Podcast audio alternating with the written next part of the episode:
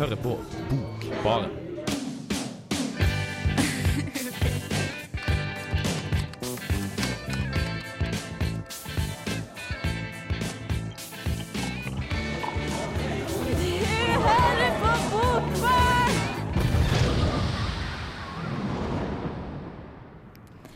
Hei og velkommen til Bokbaren. Eh, I dag har vi jo valgt oss et ganske spesielt tema. Er du ikke enig i det, Johannes? Jo, jeg er egentlig helt enig i det. Ja.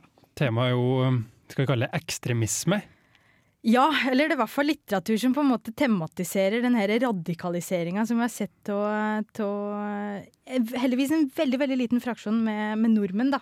Men, eh, men, vi har rett og slett dypdykka i narrativ som, som tar for seg eh, noen av de her historiene til, til, folk som velger å reise ned til, til Syria og, og, bli med, eller kjempe jihad, da. Eller ja, krig. Det er jo litteratur om emnet, men det er uansett et litt eh, spesielt eh, emne, som du sier. Det er jo ikke kanskje hverdagskost. Eh å møte på i kunsten så mye enda har jeg følt i hvert fall. Altså, de bøkene vi har vært, da, har jo kommet i, i henholdsvis i fjor og i år. Mm. Så ganske, både et nytt fenomen og en ny litteratur vi forholder oss til. da. Ja, det er det. Absolutt. Eh, men det er jo på en måte heldig slik sett at det um, litteraturen eh, speiler samtida, da. Så det er jo veldig aktuelt, et veldig aktuelt tema.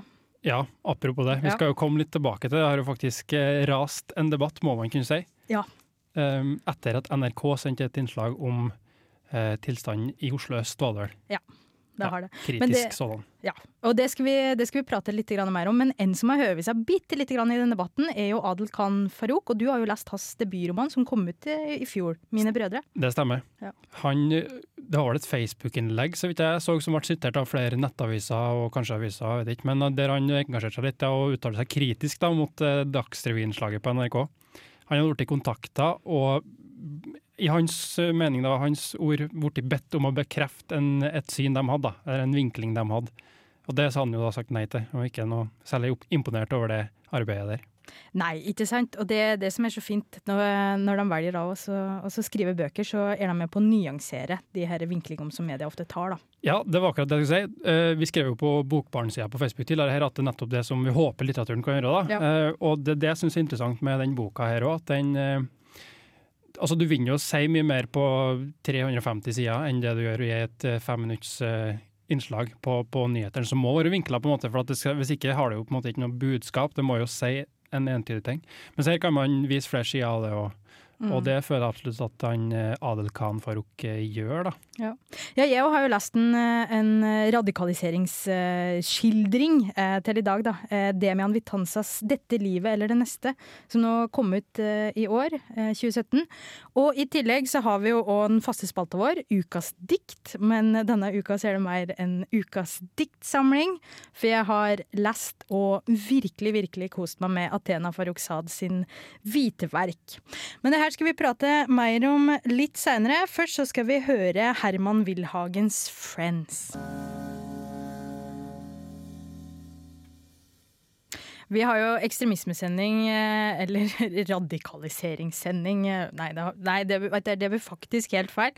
Eh, men vi prater om, om litteratur som tar for seg radikaliseringsprosesser. Og du har jo lest 'Mine brødre', Johannes, som du har laga en anmeldelse av. Jepp.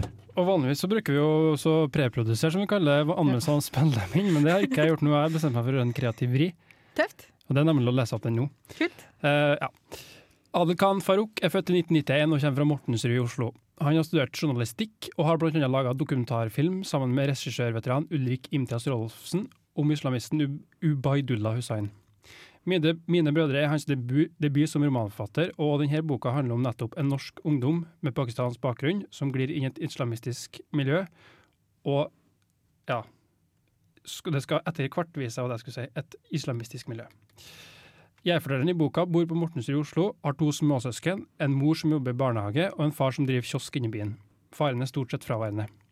Handlinga er lagt til tida rundt terrorangrepet i Bataclan i Paris, og sammen med den forferdelige hendelsen skjer det flere uheldige ting med hovedpersonen i boka.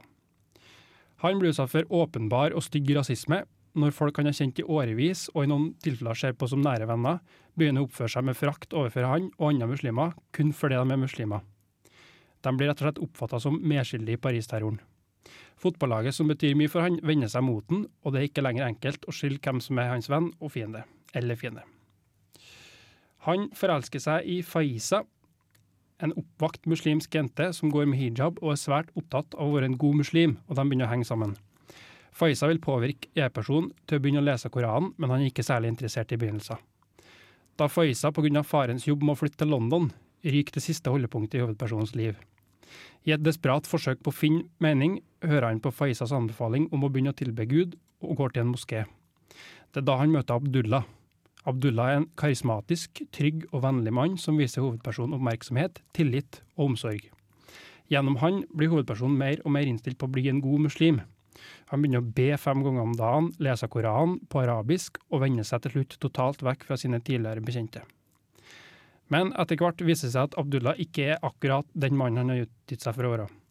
En av medlemmene i hans brorskap reiser nemlig til Syria for å kjempe med IS, og når hovedpersonen får PSD på døra, nei, PST på døra, begynner ting sakte å gå opp for han. Boka 'Mine brødre' er en klassisk realistisk fortelling som skildrer et miljø, mennesker, drivkrefter i samfunnet, og som tar opp og debatterer visse samfunnsaktuelle problemstillinger. En av innvendingene jeg har mot denne boka, er at den rett og slett er litt kjedelig i begynnelsen. Forfatteren bruker da mye tid på å organisere plottet, sånn at den egentlige handlinga kan begynne. Spørsmålet er hvordan kan en vanlig gutt bli radikalisert? Jo, da må han møte på mye motgang og være på et vanskelig sted i livet. Det er for så vidt en troverdig framstilling, men det gjør at handlinga føles litt som et puslespill som går litt for enkelt opp. Man må lese nesten 150 av 350 sider før boka kommer skikkelig i gang, og jeg mener at handlinga kunne vært trimma ned. Det er noen episoder som føles overflødig, og det brukes mye tid på å vise hvorfor og hvordan det som skjer, kan skje. Noe som ikke bidrar til å bedre dette inntrykket, er at språk og form ikke er særlig originalt. Som nevnt er det dette grei, realistisk framstilling, men kombinert med omstendelig komposisjon blir framdrifta litt treg. Det er heller ikke fritt for klisjéaktige formuleringer. På den positive sida skal det sies at når handlinga først kommer i gang, er boka mer spennende å lese.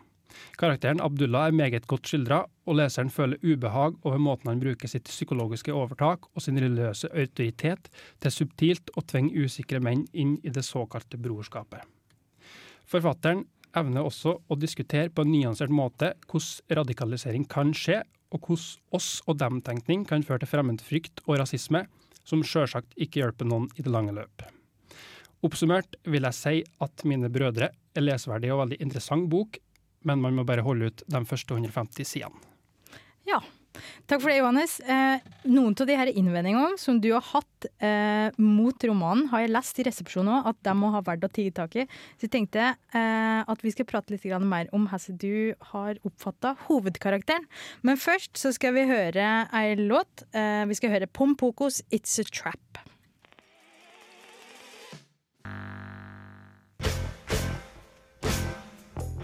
Jepp, dette er Frode Grøtten. Eh, litt på Bokbaren på Radio Revolt. Ta deg en eh, god drink. Det bruker vi å oppfordre til her i Bokbaren, at folk tar seg en drink mens de hører på oss, med mindre du er muslim. Da er jo det haram. Rett og slett ikke levelig. Du har jo lest eh, Adel Kamferoks debutroman 'Mine brødre', Johannes. Yep. Og i resepsjonen til denne romanen, for du har i anmeldelsen din eh, påpekt det her at den kan være litt trå, kanskje et litt kjedelig språk. Bruker litt lang tid på å komme i gang, da. Ja. Men du mente at det Nei, sorry, du mente at det ene bikarakteren var skildra bra. Men jeg lurer på her, her du tenker om hovedkarakteren. Er han litt, er han litt kjedelig, litt passiv, en som bare veldig lett lar seg forme og egentlig ikke Altså at han på en måte Han trengs jo for prosjektet til romanen, men er, er den en bra romanhelt, liksom? Troverdig, ja. Ja. Det er litt både og, eh, det du spør om. For at han, eh, han føles på en måte litt lett føyelig, men det er jo nettopp det som jeg snakka om. Da, det med at han bruker lang tid på, på å sette oss inn i bakgrunnen for fortellinga. Det, eh, det er på en måte det som er grunnlaget for at han reagerer som han gjør. Da, sant? Jeg kan jo nevne f.eks. at um, det med eh, Paris-terroren og at muslimer blir skrulla litt stygt på pga. det. Uh, det med hun dama han forelsker seg i, som flytter til London. Eh, og, det, og uro i familien. Faren eh, bestemmer seg faktisk for å um, for å flykte, eller flytte til Pakistan for å finne seg en ny kone. Så det skjer masse dritt, og det er på en måte bare strukturert for at for at han skal kunne reagere som han gjør. da, så på en måte, ja, han føles litt sånn lett føyelig og ja, dum på en måte. Hvordan tror han i hele tatt på, på det her? Eh, altså Hadde det ikke skjedd i virkeligheten, hadde ikke vi visst at folk blir radikalisert, sånn vanlige folk, så ville jeg kanskje tenkt at det var helt utenkelig. Sånn, ja, det her kjøper jeg, liksom, men det, det skjer jo, så jeg, så jeg, tror på det. Men så både ja og nei, men og, og på starten der, da, så er det ikke så veldig spennende, for han er så vanlig, liksom. Det er ikke noe, det er ikke noe med han, Jeg føler ikke at han er så så djupt skildra, på en måte. Han er bare en vanlig Det viser at det skjer med vanlige folk. Van, en vanlig gutt som blir radikalisert. Ja, For han er egentlig godt uh, integrert i Norge, eller? Ja, det må man jo si. Ja. Han spiller jo fotball og har og norske og um, pak, altså norsk-pakistanske venner, som man kan kalle det, da, på, på skolen og på fritida og sånn. Og, um, og, hans reaksjon, både hans og familien og alle oppegående folk i miljøet han kommer fra, sin reaksjon på terroren er jo at det er forferdelig. Akkurat som alle vil reagere. At uh, De skjønner ikke hvorfor folk gjør sånn. og Han er sterkt kritisk til radikal islam og, og terror. da. Ja. Terrorhandlinger. Ja, for er det, no, er det mulig å lese et slags forsvar av religion islam i boka? Mm, ja, jeg vil, jeg vil ikke kalt det et forsvar, men det som jeg sa innledningsvis, er en slags nyansering. da. Fordi at karakteren Faiza, da, som er hun jenta som han forelsker seg som først setter den tanken om å, om å prøve å prøve å bli en muslim. da. Mm. Hun er på en måte den stemmen som er rasjonell, fornuftig, logisk, og i, i, hva skal man si, hun henger med i samtida. da. Hun skjønner at man ikke kan lese Koranen bokstavelig, og, og, akkurat som det, det står, å tolke det bokstavelig, men at man må se det i forhold til samtida og tolke det metaforisk. Så på den måten så vil jeg si at uh, den nyanserer mer, og at det, finner, at det går an å ha den trua uh, å være muslim uten å være ekstremistisk. Og i tillegg, det, det ekstremistiske, da, det, det, radikale islam, den, den uh, blir jo da framstilt som det den er. Det var mm. galskap. Ja. ja. Men nå var vel ikke akkurat profeten noen pasifist heller, da. Men uh, det er i hvert fall en, en bok som, uh, som skildrer en radikaliseringsprosess av rett og slett norsk ungdom. Det er det absolutt. Ja. Og det er jo det med han ja, ja, nei, så jeg tenkte på Det er flere ting som jeg syns er godt eh, skildra i boka. Anmeldelsen min var jo ganske litt krass på noen punkter, og ja, ja. Det, det, står jeg for så vidt for. Sånn rent formmessig og, og um, komposisjonsmessig syns jeg den har noen svakheter. Men interessante ting er jo, som jeg hører bør, så kjenner jo han det, det pakistanske miljøet godt. Mm. Og, um, og skildrer det. og så Holdninga der, kodeksen, den moralske kodeksen og deres tradisjoner. Og det òg er ikke sånn det, det, ikke, det tar han ikke på med hva heter det, med lett uh, Med silkehansker. Med silkehansker, ja. takk. Det, altså, det, blir jo fremstilt som litt uh, gammeldags av og til, og litt uh, ikke, så, ikke, så, produktive holdninger. Mm. Og, og, viser hvordan de um, er veldig opptatt av ære og stolthet, og, og hvordan det økonomiske i Norge da, det er veldig viktig for dem å, å få en jobb som de, der de kan tjene bra. Sant? Og det, det, viser hvordan samfunnsting i Norge på en måte påvirker veldig deres syn på seg sjøl og omgivelsene. Ja, ja. Eh, hovedpersonen i, i, dette livet eller det neste, og Demian Vitanza, er også faktisk norsk-pakistaner. Eh, norskfødt. Eh, og blir òg radikalisert. Eh, vi skal prate litt mer om den, eh, men først så skal vi høre Frank Oceans Channel. I dag diskuterer vi litteratur som tar for seg radikaliseringsprosesser i Norge og ja, og i Skandinavia øvrig. Eh, og jeg har jo lest Demian Vitanzas 'Dette livet eller det neste', som kom ut nå i år, 2017. Eh, som er basert på en ekte historie. Eh, som er fiksjonalisert. Men han, Demian Vitanza var faktisk skrivelærer da, i det her fengselet som, som jeg-fortelleren sitter i, og, og, kom da i, i, prat med han og har valgt å skrive ned historien med, med noe på en måte litterære grep. Da. Så boka er um, tredelt. Den følger um, jeg-fortelleren i sin oppvekst i Norge først. Eh, deretter, når han reiser til Syria, og så, og tilbake i Norge igjen. Og nå spoiler jeg jo ingenting, for det, det her er en, en en fyr som har eh, kanskje hatt han, han, er den første som har blitt dømt for å reise ned til Syria, så, så, det har vært mye omtalt i media, da. Så det. Men den følger da ja. Nei, jeg bare hadde et spørsmål, og ja. det var at uh, du nevnte at det Altså, det, det er skrevet ut ifra at han, um, forfatteren har prata med en. Ja. Men alt er skrevet i ettertid, da. Så det er bare ja. hans fortelling av det. Du føler ikke han i Syria, liksom? Nei ja, nei, ja, det er bare jeg-fortelleren som forteller seg kronologisk gjennom. Fra ja. oppveksten til til uh, Syria, altså tilbake i, i Norge igjen, da. Ja. Mm. Men uh, jeg-fortelleren i boka her heter Tariq. Han uh, vokser opp i Halden. Eh, vokste opp da med en far i fengsel og en mor som etter norske standarder var egentlig veldig integrert. Eh, men han blei som tolvåring uansett sendt til ei militærskole i Pakistan, der han på en måte tidlig lærte seg å utøve makt, da. Eh, Så han havner veldig raskt etter videregående i gæremiljø. Begynner å deale dop, steroider, alt som, alt som er å deale, og tar mye av det sjøl. Drikker mye. Um, Faster, rett og slett. Havner i en ganske sånn dårlig, dårlig miljø, da. Før han uh, rett, blir med på bønn en gang, uh, og blir da overbevist. Islam er, og det å møte Gud, da, er for han bedre enn alt annet. Er det sånn at det oppleves som en slags renhet, da, sånn, mens at det med festing og, og de, altså, krim, småkriminalitet er på en måte sånn, noe som gir kick og sånn, mens, eh, mens Gud er på en måte en enkelhet og sånn? Nei, jeg tror Gud ga det ultimate kicket, okay. og deretter så ble det med festinga og det med ja, doping og, og henge med damer blei på en måte sekundært, da, og noe, noe nedre etter det, for det, det er jo ikke levelig i, i denne religionen, da. Så, så konverterer med flere, med flere kompiser etter hvert, da, og møter da i moskeen en slik type mykhet som de her folka ikke har vært vant til. Eh, De har ikke vært nytt, eh, eller det er nytt for dem da, å oppleve at folk faktisk bryr seg om dem, for de har vært i i dårlig miljø lenge. Videregående skolen har eh, på en måte ikke stilt opp for dem, da, så de har eh, ganske tidlig i livet rett og slett tigget feil, feil retning. Da. Og det er det som skjer. De møter, eh, føler en dragning mot jihad. De har lyst til å reise ned til Syria og kjempe mot Assads regime. Og kjempe mot eh, de som undertrykker muslimer. Og her som skjer nede i Syria, skal du eh, få høre mer om etter dunderhandlings N3 Lulin og ei lita pause. Ja. Vi er tilbake i Bokbaren. Eh, Vi prater jo om eh, radikale narrativ, egentlig. Og jeg har lest Demian Vitanzas 'Dette livet eller det neste', og nå har romanhelten akkurat da kommet til Syria. Han eh, reiser egentlig ned med ene kompisen sin, men han er tsjetsjener, så han joiner da en tsjetsjensk fraksjon.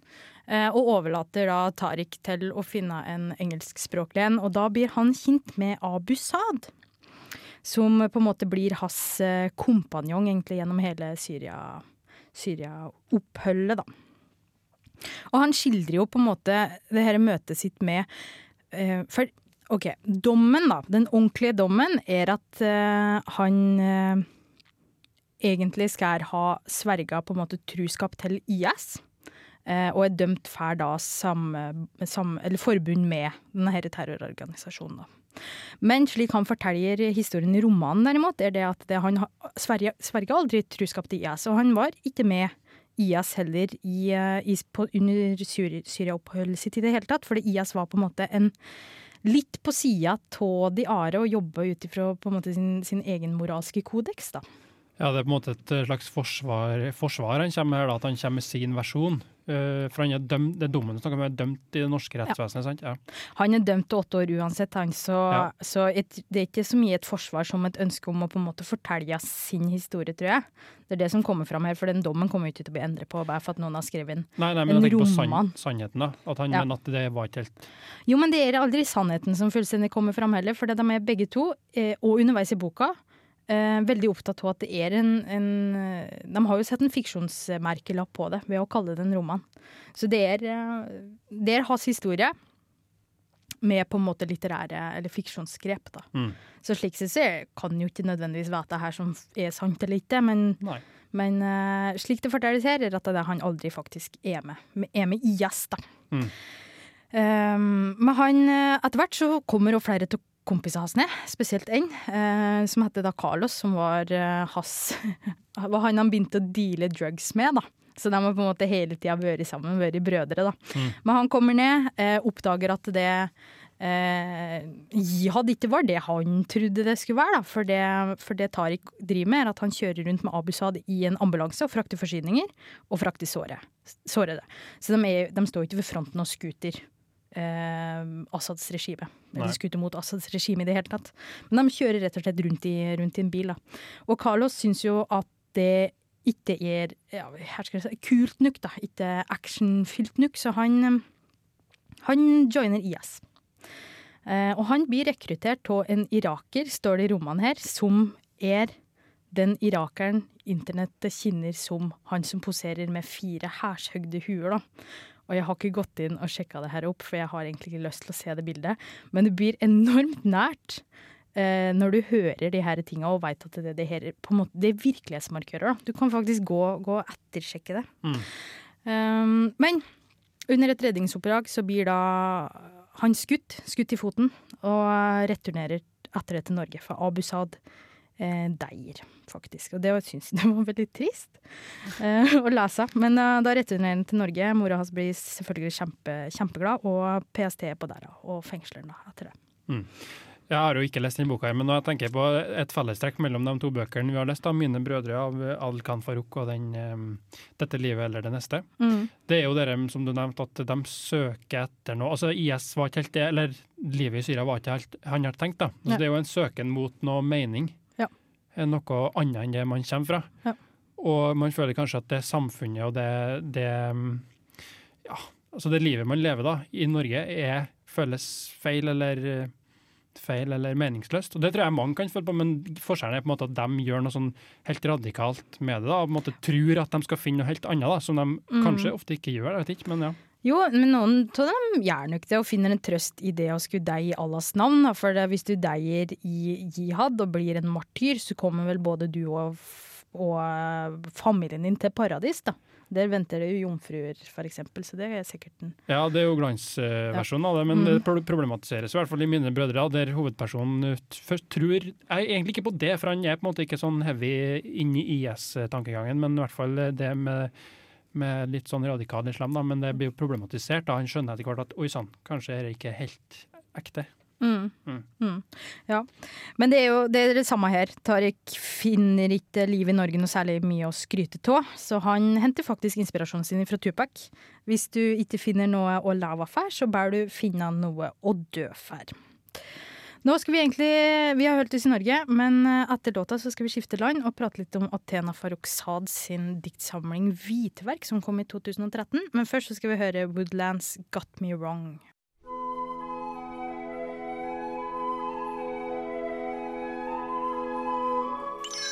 Ukas dikt. Familien min kom hit i en marxistisk idétradisjon. Moren min fylte straks huset med pyntenisser, veide plasttreets fordeler og ulemper mot hverandre, som om problemet var hennes. Om dagen skilte hun mellom lange og korte vokaler, som om lydene som kom ut av munnen, kunne vaske olivenoljen ut av huden. Moren min lot blekemiddel renne gjennom syntaksen. På den andre siden av skilletegnet ble stavelsene hennes hvitere enn en nordlig vinter.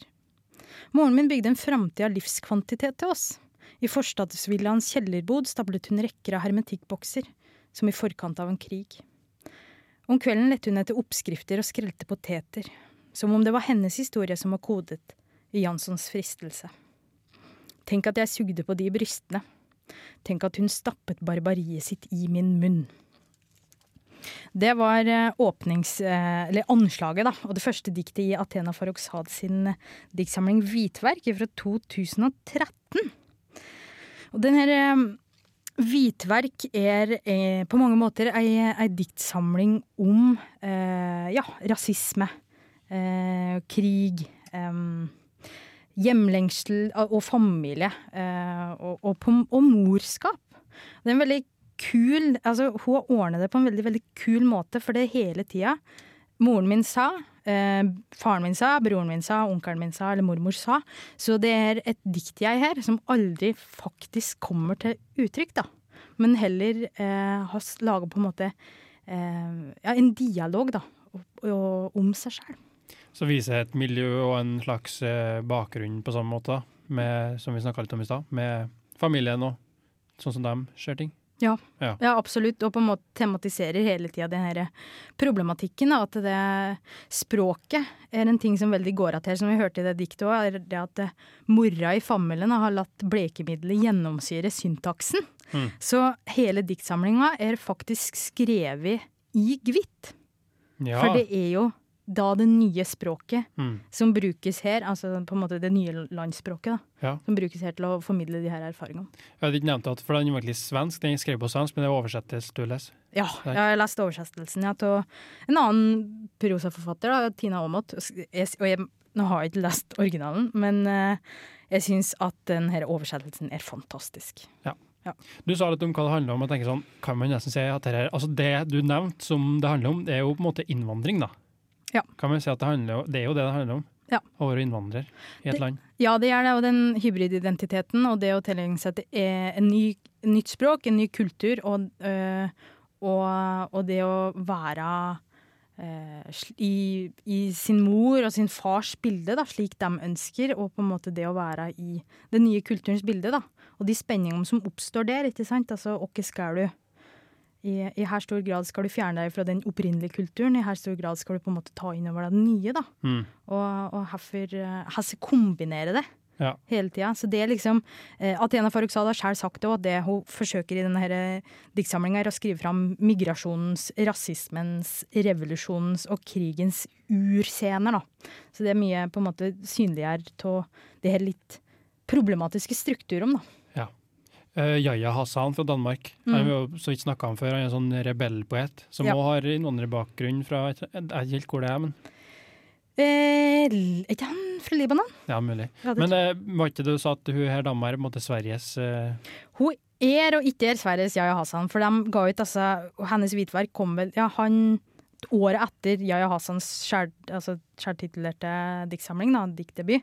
Eh, men hun eh, kritiserer Yahya Hassan fær å på en måte gjennom sin diktsamling egentlig befeste og bekrefte de fordommene som finnes da, mot, mot innvandrere. Og det syns hun er problematisk. Det er derfor hun lett Are kommer til orde her og aldri tar og posisjonerer jeget, da.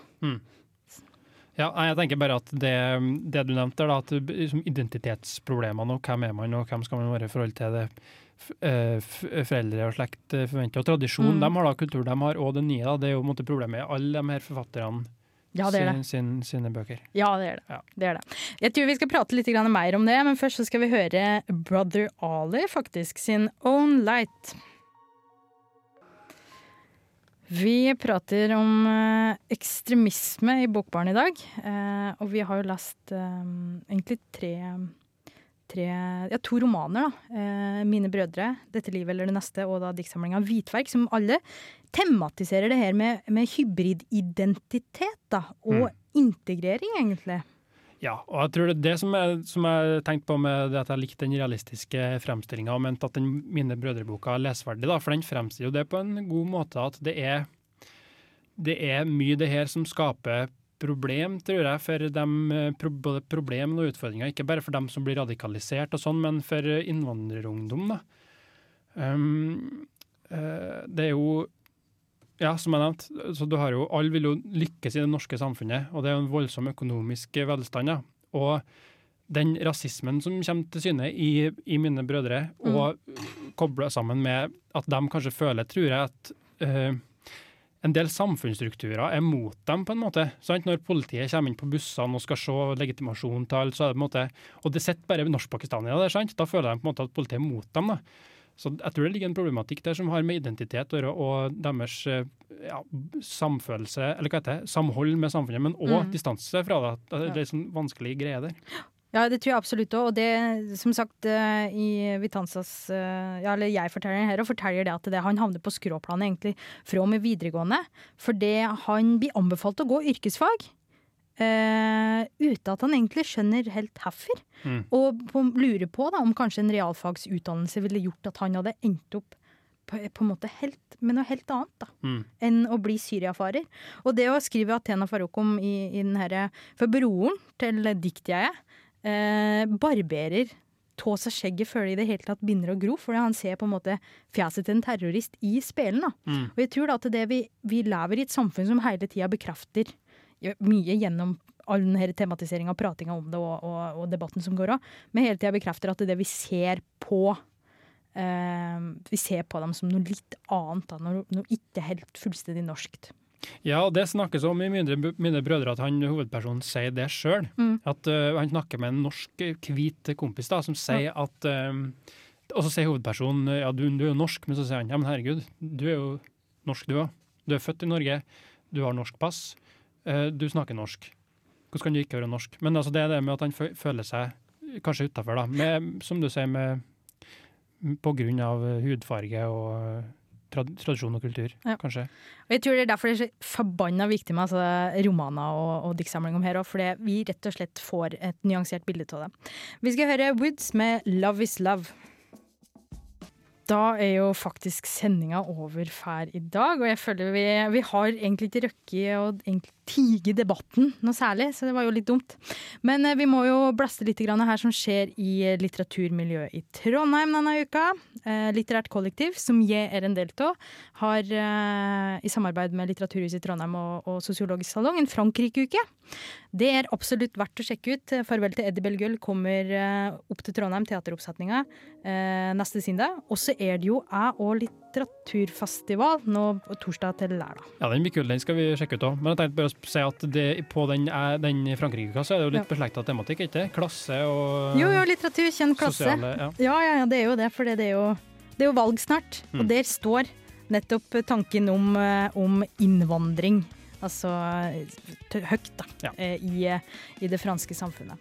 Takk til eh, deg, Johannes, og takk til vår tekniker Rebekka. Nå skal vi høre 'Eternity Forever' med Fantasy.